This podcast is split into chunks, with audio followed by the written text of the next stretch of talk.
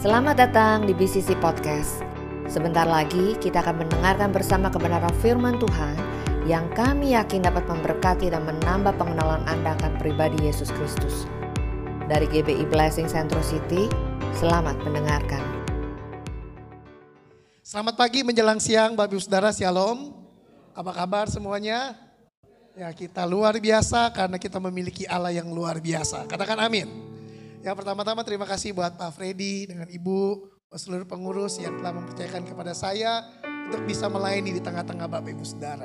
Saya percaya waktu hati kita terbuka, hati kita menyembah Tuhan, saya percaya kita pulang dari tempat ini berbeda. Kita pasti pulang diubahkan dan diberkati Tuhan.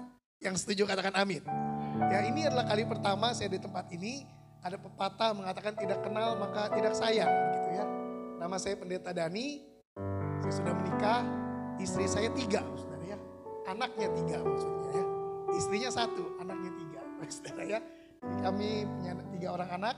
Pertama namanya Joe Marvel. Yang kedua kami beri nama Gianna Edlin, perempuan. Yang ketiga laki-laki. Kami beri nama nama Jesaya Kellen. Ya. Uh, saya mengembalakan di GBI Kali Besar, ya ada di bawah Jakarta Barat, Pak Freddy. Uh, apalagi perkenalannya ya, ya sebelum apa namanya ukuran sepatu, Bapak Saudara kalau mau tahu ya 39. Sebelum mengenal Tuhan, Bapak Saudara saya adalah orang berdosa. Ya saya pernah menjadi pecandu narkoba.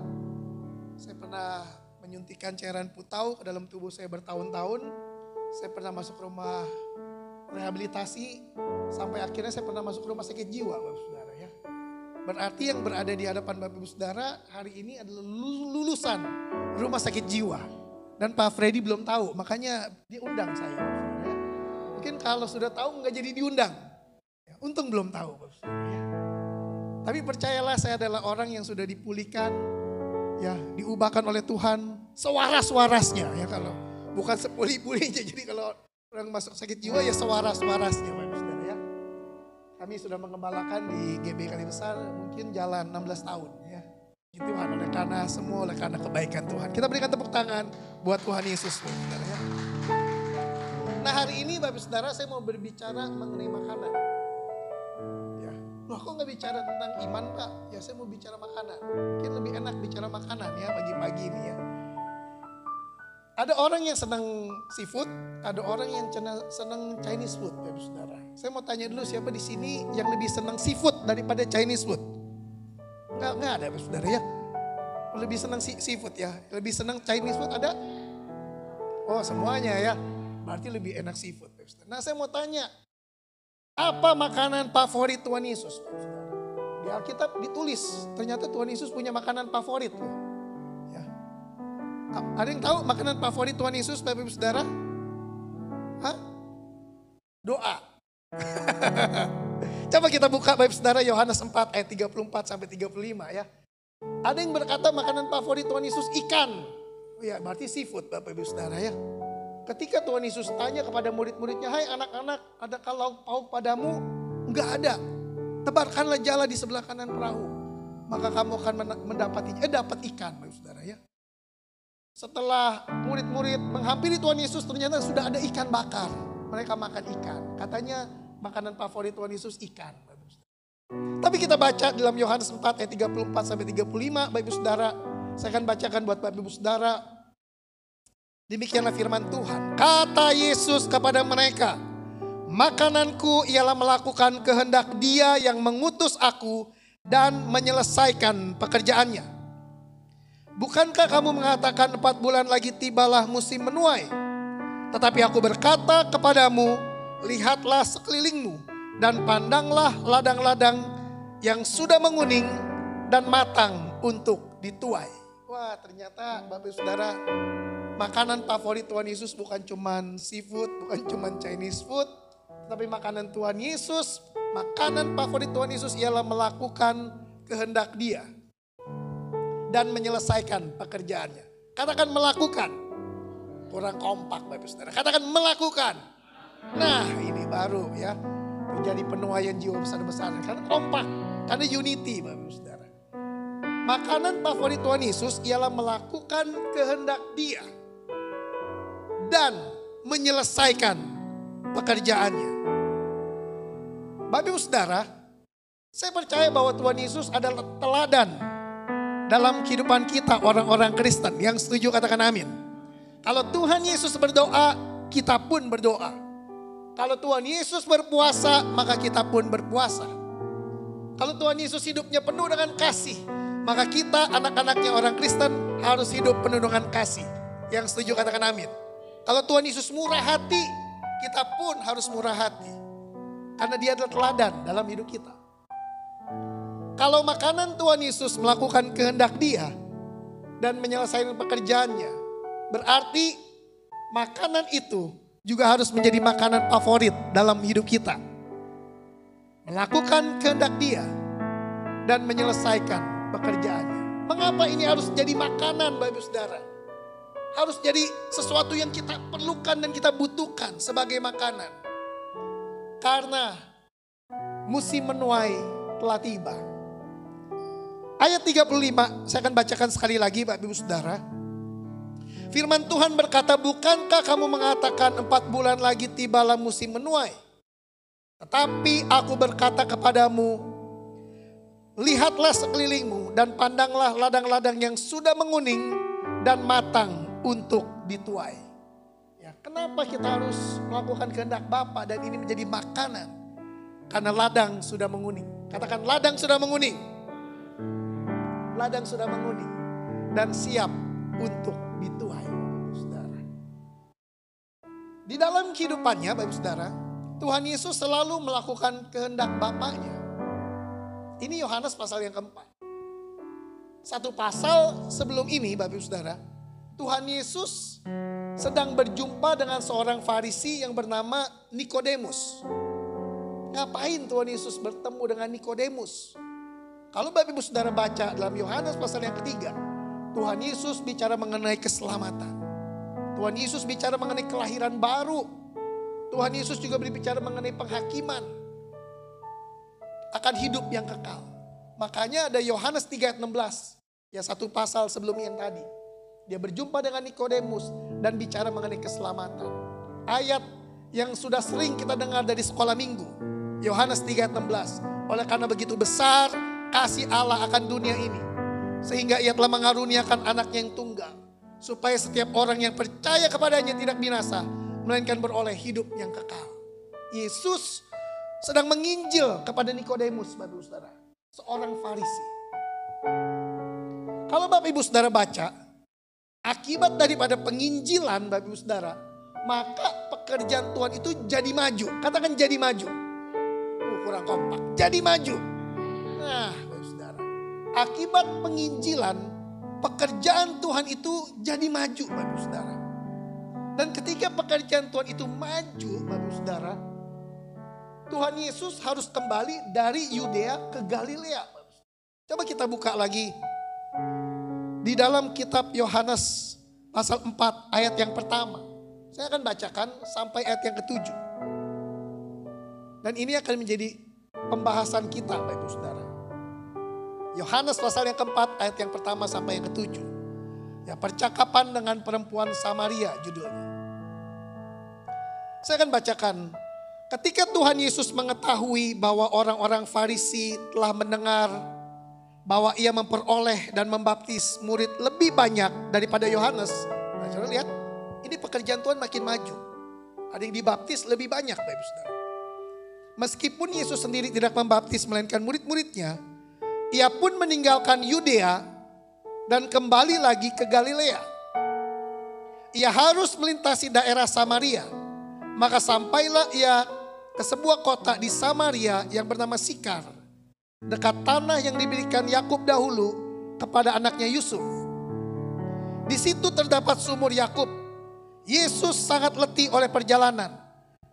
Karena itu ia duduk di pinggir sumur itu hari kira-kira pukul 12. Ayat 7 dikatakan bahwa maka datanglah seorang perempuan Samaria hendak menimba air. Kata Yesus kepadanya, berilah aku minum. Sampai di sini dulu. Tuhan Yesus selalu melakukan kehendak Bapaknya. Dia berjumpa dengan Nikodemus, dia bicara mengenai keselamatan, bicara mengenai kelahiran baru, bicara mengenai Roh Kudus, bicara mengenai penghakiman akan hidup yang kekal. Lalu pekerjaan Tuhan makin maju. Tuhan Yesus harus pergi dari Yudea ke Galilea, Bapak Saudara. Dan dia harus melewati daerah Samaria yang bernama Sikar. Nah kalau kita baca di uh, di peta Bapak Saudara, beberapa waktu yang lalu saya baca di peta, perjalanan daripada Tuhan Yesus, ternyata Yudea itu adanya di bawah. Galilea itu adanya di atas. Samaria itu adanya di agak kanan dikit. Sebenarnya dari Yudea ke Galilea, dia bisa melewati yang namanya jalan utama. Ya, di Alkitab saya itu di, di, dikasih garis merah. Dia lurus dari Yudea ke Galilea, lurus. Namanya jalan utama. Tetapi bisa melewati jalan desa, namanya jalan desa. Atau saya sebut jalan jalan sempit gitu. Dia belok sebelah kanan, dia lewati area, area Samaria. Dan yang luar biasanya Bapak Saudara, Tuhan Yesus tidak melewati jalan yang utama. Tapi dia lewati jalan yang sempit hanya untuk berjumpa dengan perempuan Samaria ini. Saya percaya bukan satu kebetulan Tuhan Yesus memilih jalan yang sempit. Karena dia tahu dia akan berjumpa dengan perempuan Samaria. Dan dia harus memberitakan Injil kepada perempuan Samaria ini Bapak Ibu Saudara. Kalau kita pergi dari sini ke Sentul, contoh Bapak Ibu Saudara. Tentu kita semua ingin lewat jalan utama. Lewat tol, itu namanya jalan utama. Jalan bebas hambatan. Tidak tidak banyak di antara kita yang ingin melewati jalan desa. Sempit-sempit, saudara. Sebelum uh, ke tempat ini saya dari gereja, Bapak Saudara. Ya baru pertama kali ke tempat ini saya pakai map, Bapak Saudara. Setelah jelambar, lurus terus, Bapak Ibu Saudara lurus terus sampai ada perempatan. Lalu disuruh lurus lagi lewat jalan Kedoya begitu kan ya. Saya, saya belum pernah tuh lewat jalan itu Bapak Saudara. Saya lihat agak-agak merah sedikit. Ternyata ada pasar, lewatin pasar. Saudara ya. Set saya masuk. Ini nyampe gak ya? Nyampe, nyampe juga Bapak Saudara ya. Lewat jalan sempit. Tapi kalau jauh, tentu kita semua ingin lewat jalan utama. Amin Bapak Saudara.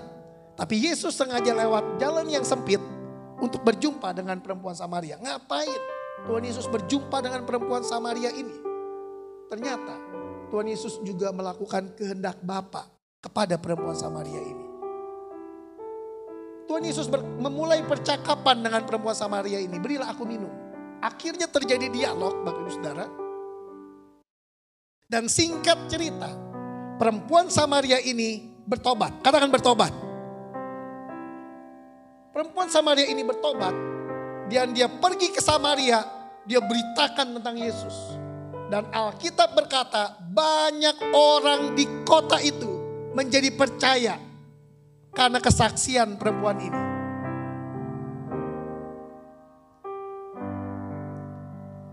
Bapak Ibu Saudara yang dikasih oleh Tuhan.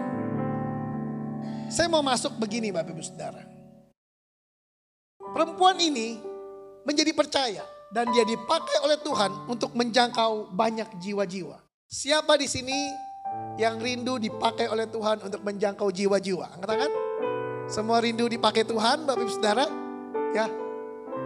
Kita lihat apa rahasianya. Sehingga perempuan Samaria ini dipakai oleh Tuhan untuk membuat banyak orang percaya kepada Yesus, Bapak Ibu Saudara. Saya dulu juga adalah orang berdosa. Nanti saya akan berikan sedikit kesaksian, Bapak Ibu Saudara ya. Saya mencatat begini. Yang pertama, Bapak Ibu Saudara. Perempuan Samaria ini mengapa dia akhirnya bisa bertobat dan dipakai oleh Tuhan? Yang pertama, karena perempuan Samaria ini dia berjumpa dengan Tuhan Yesus. Katakan berjumpa. Kalau kurang kompak, katakan berjumpa. Nah, biar nggak ngantuk juga Bapak Saudara ya. Perempuan Samaria ini dia berjumpa dengan Tuhan Yesus. Saya percaya orang yang berjumpa dengan Tuhan, maka hidupnya pasti diubahkan oleh Tuhan. Banyak tokoh-tokoh di Alkitab dari orang biasa menjadi orang luar biasa karena mengalami perjumpaan dengan Tuhan. Contoh Abraham, Bapak Saudara. Dulu namanya Abram. Dari tanah Ur Kasdim. Dari tempat negeri penyembahan berhala. Bukan orang yang kenal Tuhan Saudara. Dia adalah orang dari tempat negeri penyembahan berhala. Dia berjumpa dengan Tuhan lewat firman-Nya. Abram, pergilah dari negerimu, dari sanak saudaramu, ke tempat yang kutunjukkan kepadamu. Abram mendengar suara Tuhan. Lalu dia pergi mengikuti firman Tuhan. Dan akhirnya Abram diubah menjadi Abraham. Namanya diubah. Abraham itu artinya bapak orang beriman. Bapak banyak bangsa. Dari orang biasa dari negeri penyembahan berhala diubah. Menjadi hamba Tuhan yang dipakai oleh Tuhan. Bapak Saudara. Banyaklah ya Bapak Saudara Rasul Paulus.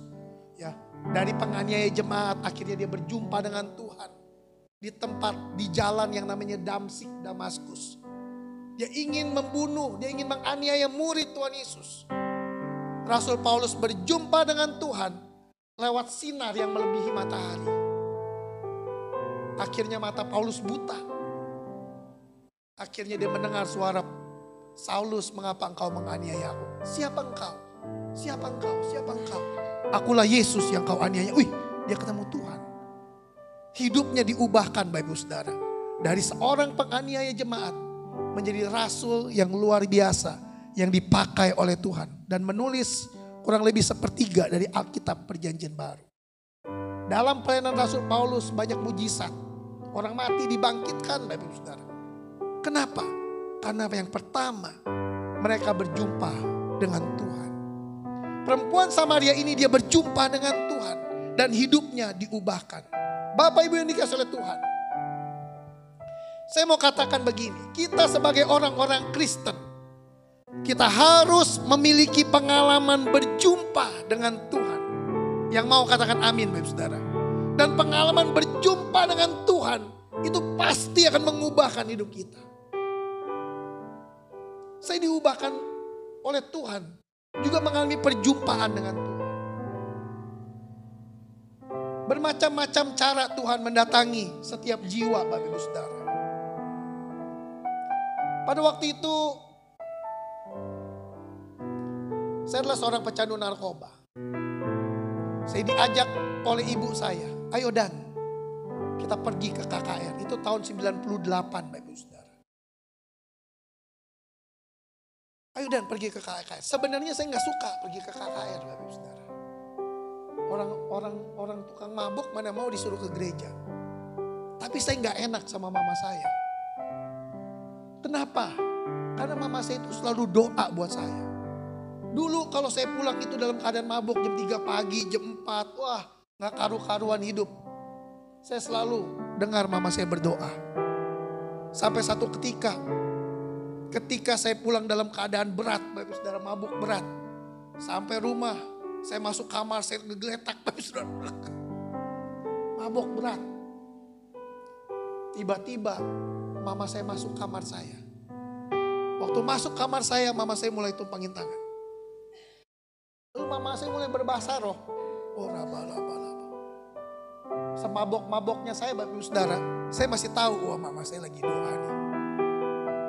Eh tiba-tiba bahasa rohnya lebih tambah kencang. Sampai nangis-nangis saudara. Lalu, lalu ketika berbahasa roh mama saya berdoa begini. Yesus. Jamah anak saya. Wih. Saya lagi mabuk langsung sadar Bapak Saudara. Hati saya kayak, di, kayak dipukul palu. Wih mama saya doa sampai begitu. Sampai nangis-nangis. Sian banget gitu Bapak Saudara ya. Tapi saya belaga tidur, saya belaga aja. Tapi saya tahu mama saya lagi doa. Eh beberapa waktu kemudian saya diajak, ayo dan ke KKR. Ayo dan ke KKR minta pemulihan, minta pemulihan. Saya sebenarnya nggak suka. Tapi karena saya nggak enak ya udahlah. Saya ikut mama saya untuk menyenangkan hati mama saya. Saya ikut ke KKR. Di KKR Bapak Ibu Saudara, mama saya bilang dan doa terus. Minta pemulihan, doa terus. KKR ibadah berlangsung. Yang hadir banyak Bapak Ibu 5 ribu orang. Biasa KKR itu ada altar call. Setelah hamba Tuhan khotbah siapa yang mau sembuh, siapa yang mau dilepaskan, siapa yang mengalami beban berat, siapa yang sakit, maju ke depan. Mama saya bilang, dan maju. Maju, minta didoain. Saya maju, Bapak. Saya maju. Saya ada di tempat yang paling depan. Ini KKR 5 ribu orang, Bapak Saudara. Yang maju ratusan orang, banyak sekali. Saya di depan sini. Saya berdoa, Tuhan tolong saya. Tuhan tolong saya. Tuhan tolong saya. Tuhan tolong saya. Saya nggak pernah rasa, saya seperti nggak rasa apa-apa. Lalu saya mulai buka mata saya. Saya lihat kiri kanan. Udah mulai banyak yang datang Bapak Saudara. Yang maju sudah banyak. Yang di kursi roda, yang di ranjang rumah sakit, yang setruk Bapak Ibu Saudara. Uh semua udah banyak. Wih saya lihat banyak. Saya mulai doa lagi. Tuhan tolong. Tuhan tolong saya. Tuhan tolong saya. Saya nggak rasa apa-apa. Saya nggak ketemu, Tuhan Bapak Saudara. Lalu saya buka mata lagi. Saya lihat kiri kanan begitu. Udah pada banyak yang nangis Bapak Saudara. Yesus. Ada yang rebah. Di sini ada yang rebah. Ada yang nangis. Ada yang teriak. Wah, ada yang teriak. Uh, suasana jadi jadi kayak penuh lawatan roh kudus begitu. Ketika saya lihat banyak yang nangis, banyak yang rebah, banyak yang teriak. Timbul belas kasihan dalam hati saya. Saya berdoa begini sama Tuhan. Tuhan, kasihani mereka semua Tuhan. Tolong mereka. Tapi jangan lupa Tuhan, terakhir tolong saya. Gitu saudara ya. Ketika saya berdoa buat orang, saya dapat satu penglihatan. Saya melihat pintu gerbang emas besar terbuka sebagian. Enggak terbuka semua, dia terbuka sebagian. Lihat Bapak Saudara. Lalu ada satu makhluk pribadi yang bersinar di sebelah kiri saya. Dia ada di sini. Lalu dia rangkul saya. Lalu saya lihat pribadi itu dan dia lihat saya. Lalu saya dibawa masuk ke pintu gerbang itu. Ketika saya dibawa masuk ke pintu gerbang itu, saya nangis sejadi-jadinya. Saya bilang, Tuhan siapakah aku ini Tuhan? Kok saya bisa didahulukan oleh Tuhan? Siapakah aku? Siapakah aku? Siapakah aku? Pulang dari KKR itu, saya masih tersentuh sekali. Siapa aku Tuhan? Kok Tuhan baik banget? Siapakah aku? Belum ada kendaraan pada waktu itu. Saya naik taksi. Di taksi saya nangis. Mama saya nggak tahu. Kan gelap udah malam. Dan pengalaman perjumpaan itu. Itu mengubah saya sampai hari ini Bapak Saudara. Orang yang berjumpa dengan Tuhan. Hidupnya pasti diubahkan Tuhan. Amin Bapak Saudara. Oleh sebab itu Bapak Ibu Saudara. Alamilah perjumpaan dengan Tuhan itu. Kita ibadah di tempat ini Mungkin dari jam 10, dari jam 10 sampai jam 12 misalnya. Mari buka hati kita Bapak Saudara. Karena Tuhan bisa jamah kita di awal ibadah. Tuhan bisa jamah kita di akhir di tengah-tengah ibadah. Tuhan bisa jamah kita juga di akhir dari ibadah. Mari buka hati. Alami perjumpaan dengan Tuhan. Sebab orang yang berjumpa dengan Tuhan hidupnya pasti diubahkan oleh Tuhan. Dan perempuan Samaria ini yang pertama. Kenapa dia bisa dipakai oleh Tuhan memenangkan banyak orang di kota Samaria? Karena dia berjumpa dengan Tuhan. Katakan amin Bapak Saudara. Nah yang kedua Bapak Ibu Saudara, saya mencatat mengapa perempuan Samaria ini akhirnya dipakai oleh Tuhan. Karena perempuan ini Bapak Ibu Saudara, dia menerima air hidup daripada Tuhan Yesus. Yohanes 3, eh maaf, Yohanes 4 ayat 13 saya akan bacakan. Ayat 14. Yohanes 4 ayat 13 sampai 14. Jawab Yesus kepadanya, Barang siapa minum air ini, ia akan haus lagi. Tetapi barang siapa minum air yang akan kuberikan kepadanya, ia tidak akan haus untuk selama-lamanya. Sebaliknya, air yang akan kuberikan kepadanya akan menjadi mata air dalam dirinya yang terus menerus memancar sampai kepada hidup yang kekal. Dan akhirnya perempuan Samaria ini bilang begini, berikanlah aku air itu supaya aku tidak haus lagi. Bapak ibu saudara yang dikasih Tuhan, salah satunya air, air hidup, salah satunya dia bisa bicara mengenai roh kudus, katakan roh kudus. kehidupan kekristenan itu harus dipenuhi dengan kuasa Roh Kudus. Kalau hidup kekristenan tidak dipenuhi dengan kuasa Roh Kudus, maka hidup kekristenan itu menjadi kering. Hidup kekristenan itu menjadi membosankan. Hidup kekristenan itu menjadi tidak bergairah. Kenapa? Karena tidak dipenuhi dengan Roh Kudus. Kita gereja Tuhan harus hidup dipenuhi dengan Roh Kudus. Yang mau katakan amin.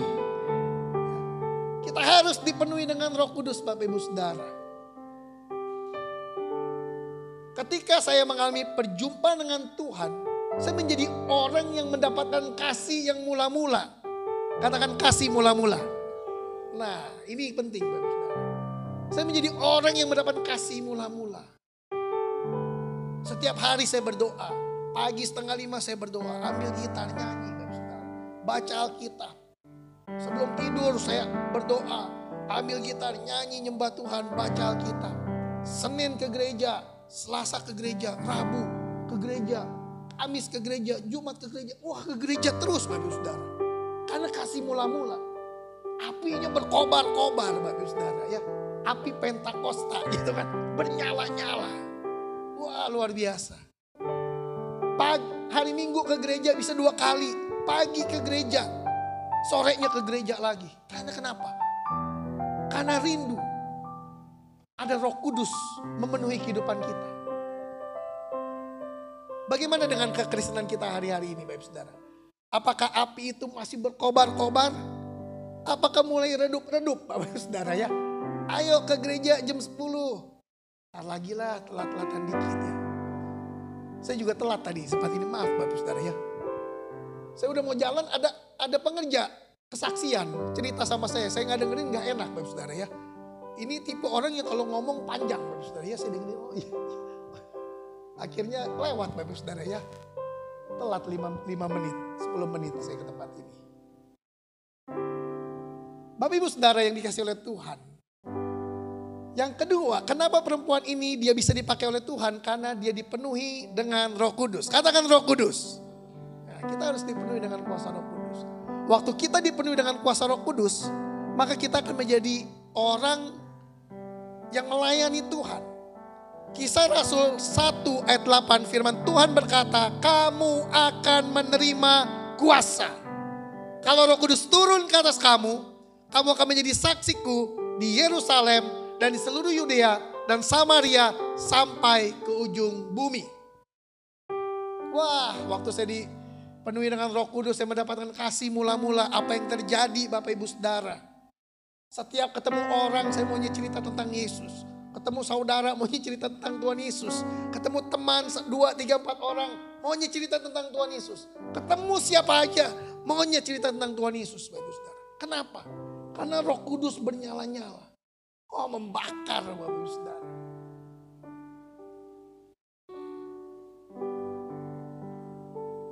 Pada waktu itu saya jadi full time melayani pekerjaan Tuhan mulai tahun 99 sampai sekarang.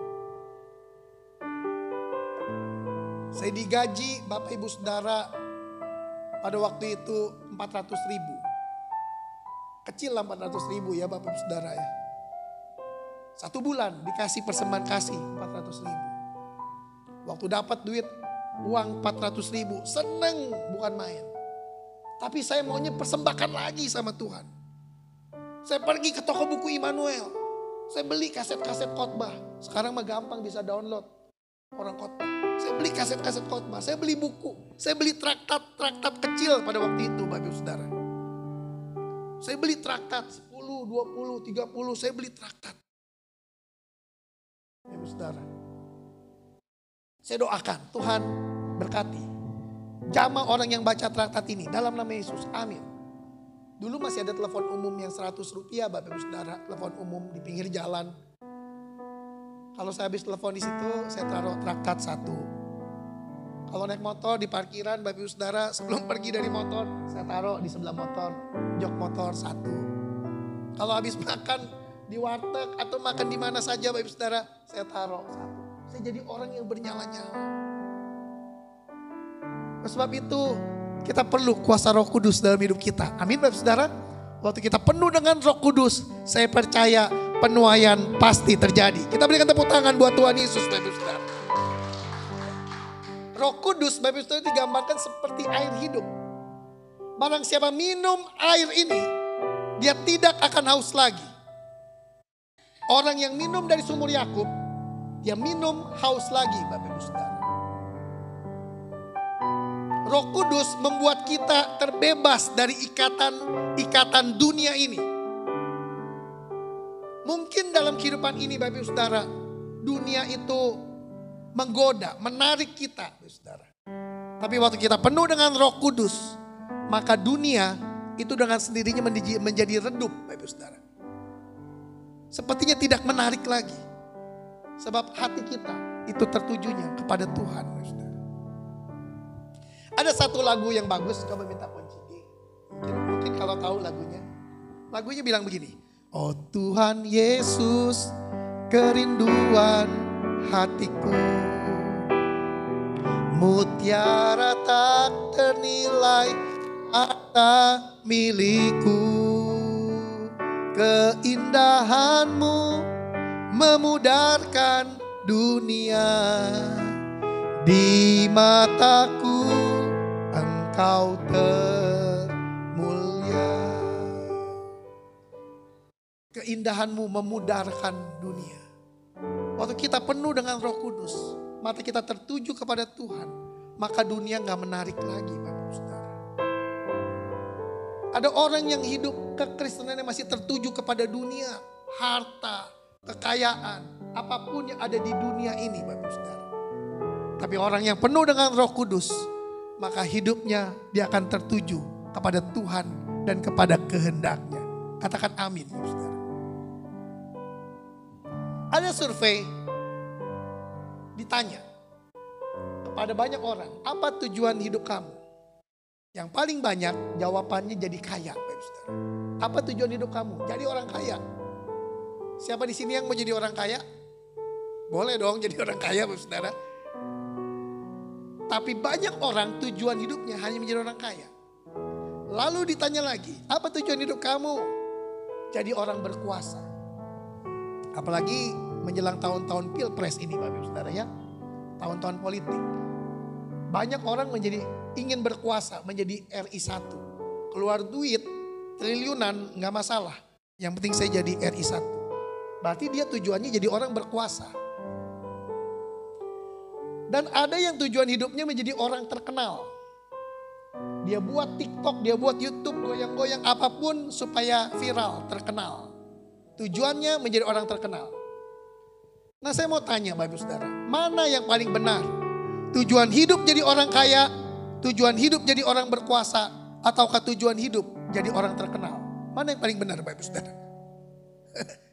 mana yang paling benar? Gak ada yang betul. Amin Bapak Saudara. Karena semua itu bukan tujuan hidup. Karena tujuan hidup kita ialah untuk melakukan kehendak Bapa dan menyelesaikan pekerjaannya. Tujuan hidup kita ialah untuk memuliakan nama Tuhan. Oleh sebab itu orang yang dipenuhi dengan roh kudus, dia akan matanya tertuju kepada Tuhan Bapak Ibu Saudara. Roh kudus memberikan kepada kita kuasa untuk menjadi saksi Tuhan. Roh kudus membuat penuaian jiwa besar-besaran terjadi Ketika Petrus dipenuhi dengan roh kudus. Pada hari raya Pentakosta. Petrus berkhotbah. Singkat 3000 orang bertobat Bapak Saudara. Karena Petrus pada waktu itu sedang dipenuhi dengan roh kudus Bapak Saudara. Berapa banyak orang yang tidak penuh dengan roh kudus. Yang hidupnya belum diubahkan. Kesaksian dan penginjilannya ditolak. Ayo Ci, ikut saya pergi ke gereja. Enak Ci, damai sejahtera. Ngapain ajak gua ke gereja? Lu tangi belum bayar-bayar gitu Bapak Saudara ya. Tolak saksiannya. Tapi orang yang penuh dengan roh kudus, dia pasti hidupnya diubahkan. Dan dia pasti akan menjadi saksi Tuhan yang efektif. Katakan amin Bapak Saudara. Dunia hanya dapat memberikan kepada kita sumur Yakub. Minum, haus lagi, minum, haus lagi. Itu dunia, saudara. Tapi Tuhan memberikan kepada kita roh kudus yang memuaskan hidup kita Bapak Saudara. Roh Kudus juga memampukan kita setia melayani sampai akhir. Katakan sampai akhir. Banyak loh orang Kristen mengiring Tuhan, melayani, berhenti di tengah jalan. Tapi Roh Kudus itu memampukan kita melayani sampai akhir. Waktu saya bertobat, Bapak saya tidak akan perpanjang, sebentar lagi saya akan berhenti. Waktu saya bertobat, saya bersama dengan banyak teman-teman saya ikut bertobat. Satu melayani, semua melayani. Kita melayani setahun pertama, tahun kedua, tahun ketiga terus bernyala-nyala. Tahun kelima, masuk tahun keenam sudah beberapa ada yang kendor.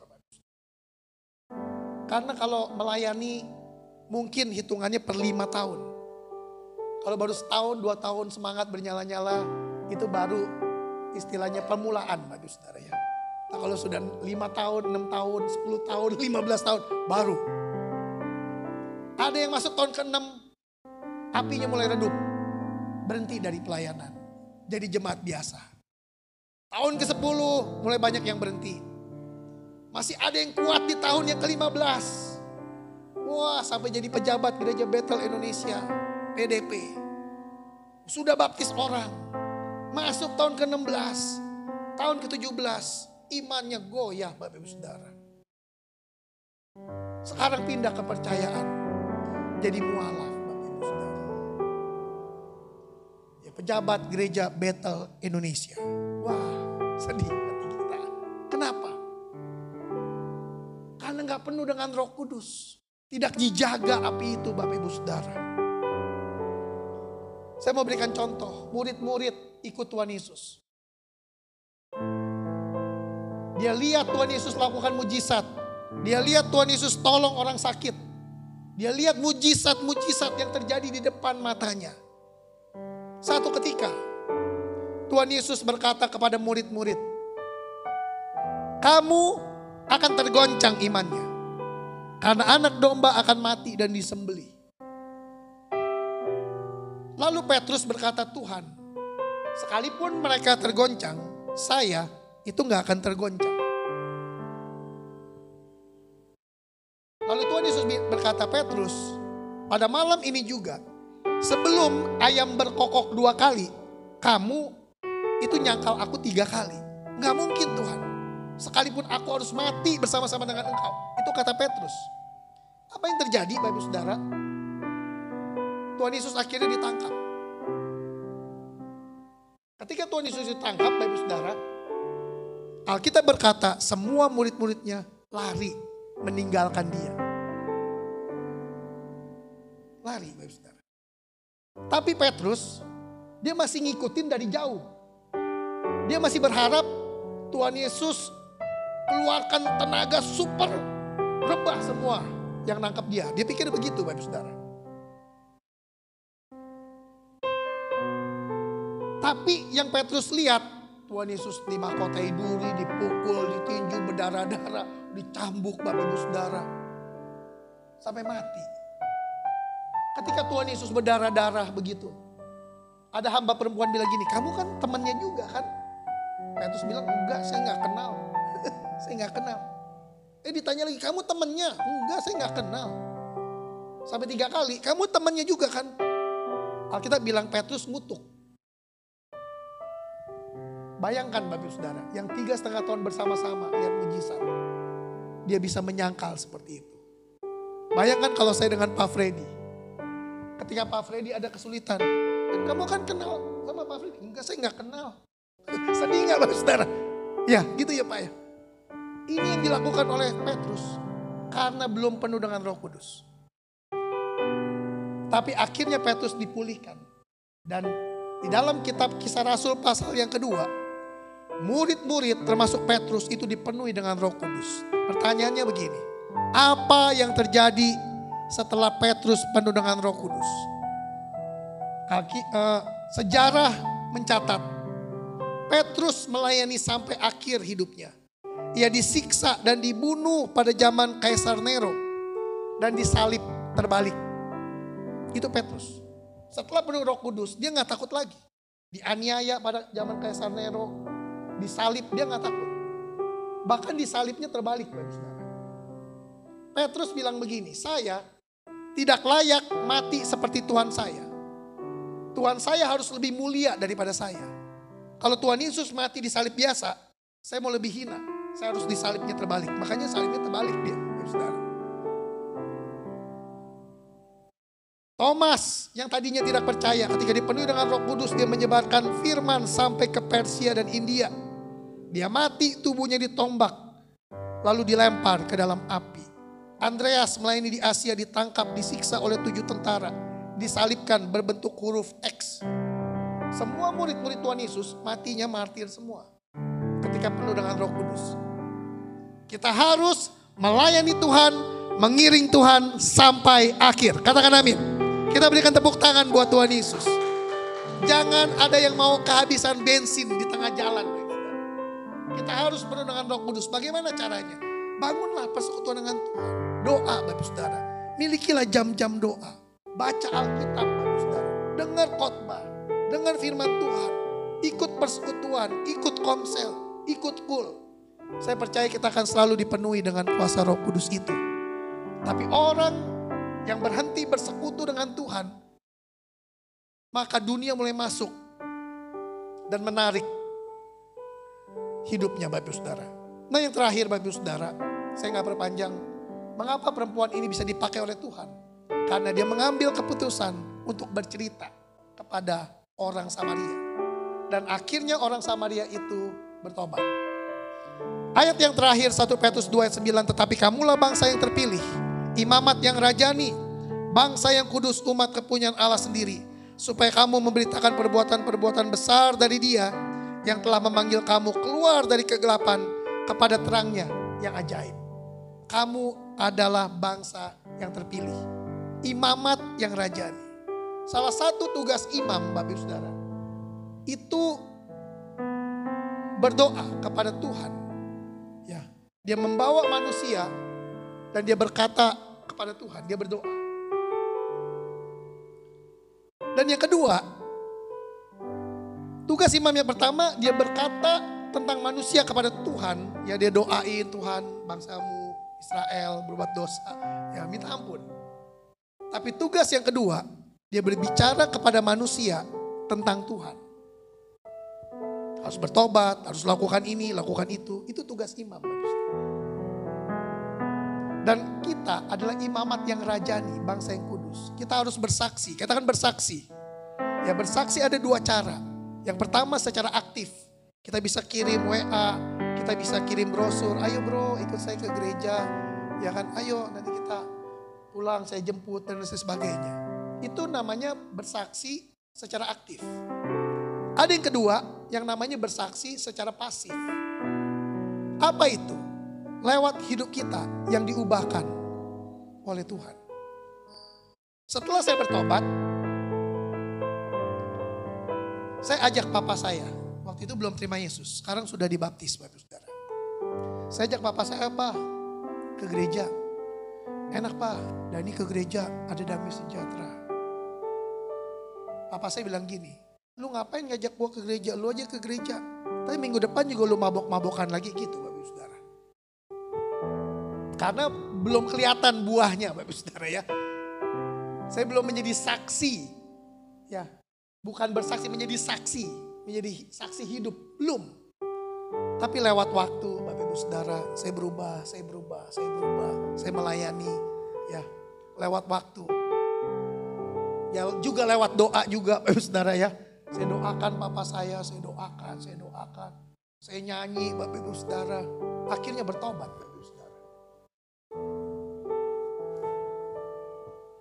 Saya ketik, akulah jalan kebenaran dan hidup. Tidak ada seorang pun datang kepada Bapa kalau tidak melalui aku. Yohanes 14 ayat 6. Lalu saya ketik lagi. Dulu belum belum ada belum gampang internet Bapak Saudara. Saya ketik lagi Bapak Saudara. Marilah kepadaku yang letih lesu dan berbeban berat. Maka aku akan berikan kelegaan kepadamu. Saya print, saya tempel di, di depan kamarnya Bapak Saudara. Dulu papa saya itu tukang judi bola.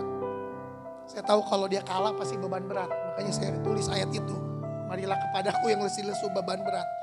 Saya tempel di situ. Lalu yang kedua karena dia belum percaya aku, saya tulis akulah jalan kebenaran hidup. Saya tempel di situ. Saya doain Tuhan jamah orang yang baca ayat ini dalam nama Yesus. Eh tiba-tiba satu minggu ya dia sudah pakai sepatu celana panjang pagi-pagi. Mama saya bilang, lu mau ke mana pagi-pagi udah rapi gini? Gua mau ikut ke gereja gitu Bapak Saudara. Kita berikan tepuk tangan buat Tuhan ya. Waktu di gereja ada pendeta khotbah. Akulah jalan dan kebenaran dan hidup. Wah pendeta itu khotbah.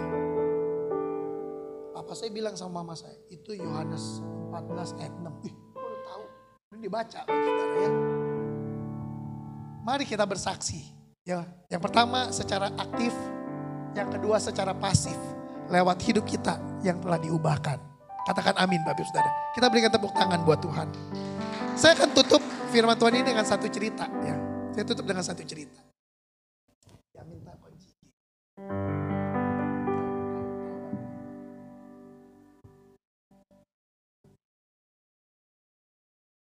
Saya tutup dengan satu cerita Bapak Saudara. Satu ketika ada mahasiswa teologi ya. Kalau mahasiswa teologi itu belajar tentang Alkitab, perjanjian lama, perjanjian baru, hermeneutik, menafsirkan khotbah, juga homiletik, Bapak Ibu Saudara, yang praktek khotbah di depan sini, Bapak Ibu Saudara. Ada mahasiswa teologi ya sedang ujian praktek khotbah. Wah ini orang baik. Lalu dia mulai maju ke depan. Ya ini semua teman-teman mahasiswa di belakangnya itu dosen penilai. Lalu mahasiswa ini bilang gini, Shalom, hari ini saya akan berkhotbah tentang, dia, dia cari catatannya. Eh nggak ketemu Bapak Saudara. Waduh, karena ini kan baru ya, baru khotbah dia nervous begitu, dia grogi. Hari ini saya akan berkhotbah tentang, dia cari catatan khotbahnya nggak ketemu. Aduh maaf, hari ini saya belum tahu mau khotbah tentang apa. Maaf, Tuhan Yesus memberkati, dia turun Bapak Saudara. Waktu dia turun, dosennya bilang begini, wah ini nilainya jelek ini, merah. Tapi teman-temannya baik. Teman-temannya bilang gini, Pak tolong kasih kesempatan Pak satu kali lagi. Dia orangnya baik Pak. Wah kalau di mes rajin bersih-bersih. Kalau komsel rajin bawa jiwa Pak. Kasih kesempatan sekali lagi. Pasti bagus Pak khotbahnya. Oke saya kasih kesempatan satu kali lagi. Pergunakan sebaik-baiknya. Dikasih kesempatan sekali lagi. Mahasiswa ini maju lagi. Dan dia berkata lagi, Shalom. Semua bilang shalom, karena ini teman-temannya semua. Siapa di sini yang tahu saya mau khotbah tentang apa? Lalu dia bingung, dia nggak ada catatan. Karena teman-temannya semua yang dia bilang, siapa yang tahu? Angkat tangan. Eh sebelah sini bilang tahu. Yang belum tahu angkat tangan. Sebelah sini bilang belum tahu. Oke, kalau begitu, yang sudah tahu, beritahu yang belum tahu. Tuhan Yesus memberkati. Dia turun lagi, Bapak Saudara. Tapi, tapi Bapak Ibu Saudara, karena ibadah ini adalah ibadah dengan kuasa roh kudus Bapak Saudara. Itu dosennya di jamaah Tuhan di belakang. Beritahu yang belum tahu. Beritahu yang belum tahu. Dia dapat rema. Wah ini khotbah yang paling bagus. Yang pernah saya dengar. Beritahu yang belum tahu. Dapat nilai bagus dia Bapak Saudara. Padahal nggak khotbah. Beritahu yang belum tahu. Saya mau tanya, siapa di sini yang sudah tahu akan kasih Bapak? Kasih Tuhan dalam hidup ini. Siapa yang sudah tahu? Sudah tahu semua? Yang sudah tahu, beritahu yang belum tahu. Yang ada di luar sana. Amin Bapak Saudara. Saya percaya waktu kita lakukan kehendak Bapak dan menyelesaikan pekerjaannya, penuaian pasti terjadi. Tuhan Yesus memberkati Bapak Ibu Saudara. Kita berikan tepuk tangan buat Tuhan. Terima kasih telah mendengarkan BCC Podcast. Kami berharap firman Tuhan hari ini memberkati dan menguatkan Anda lebih lagi. Untuk informasi lebih lanjut mengenai GBI Blessing Centro City, Anda dapat mengaksesnya melalui Instagram at Blessing Centro City. Sampai bertemu di BCC Podcast minggu depan. Tuhan Yesus memberkati.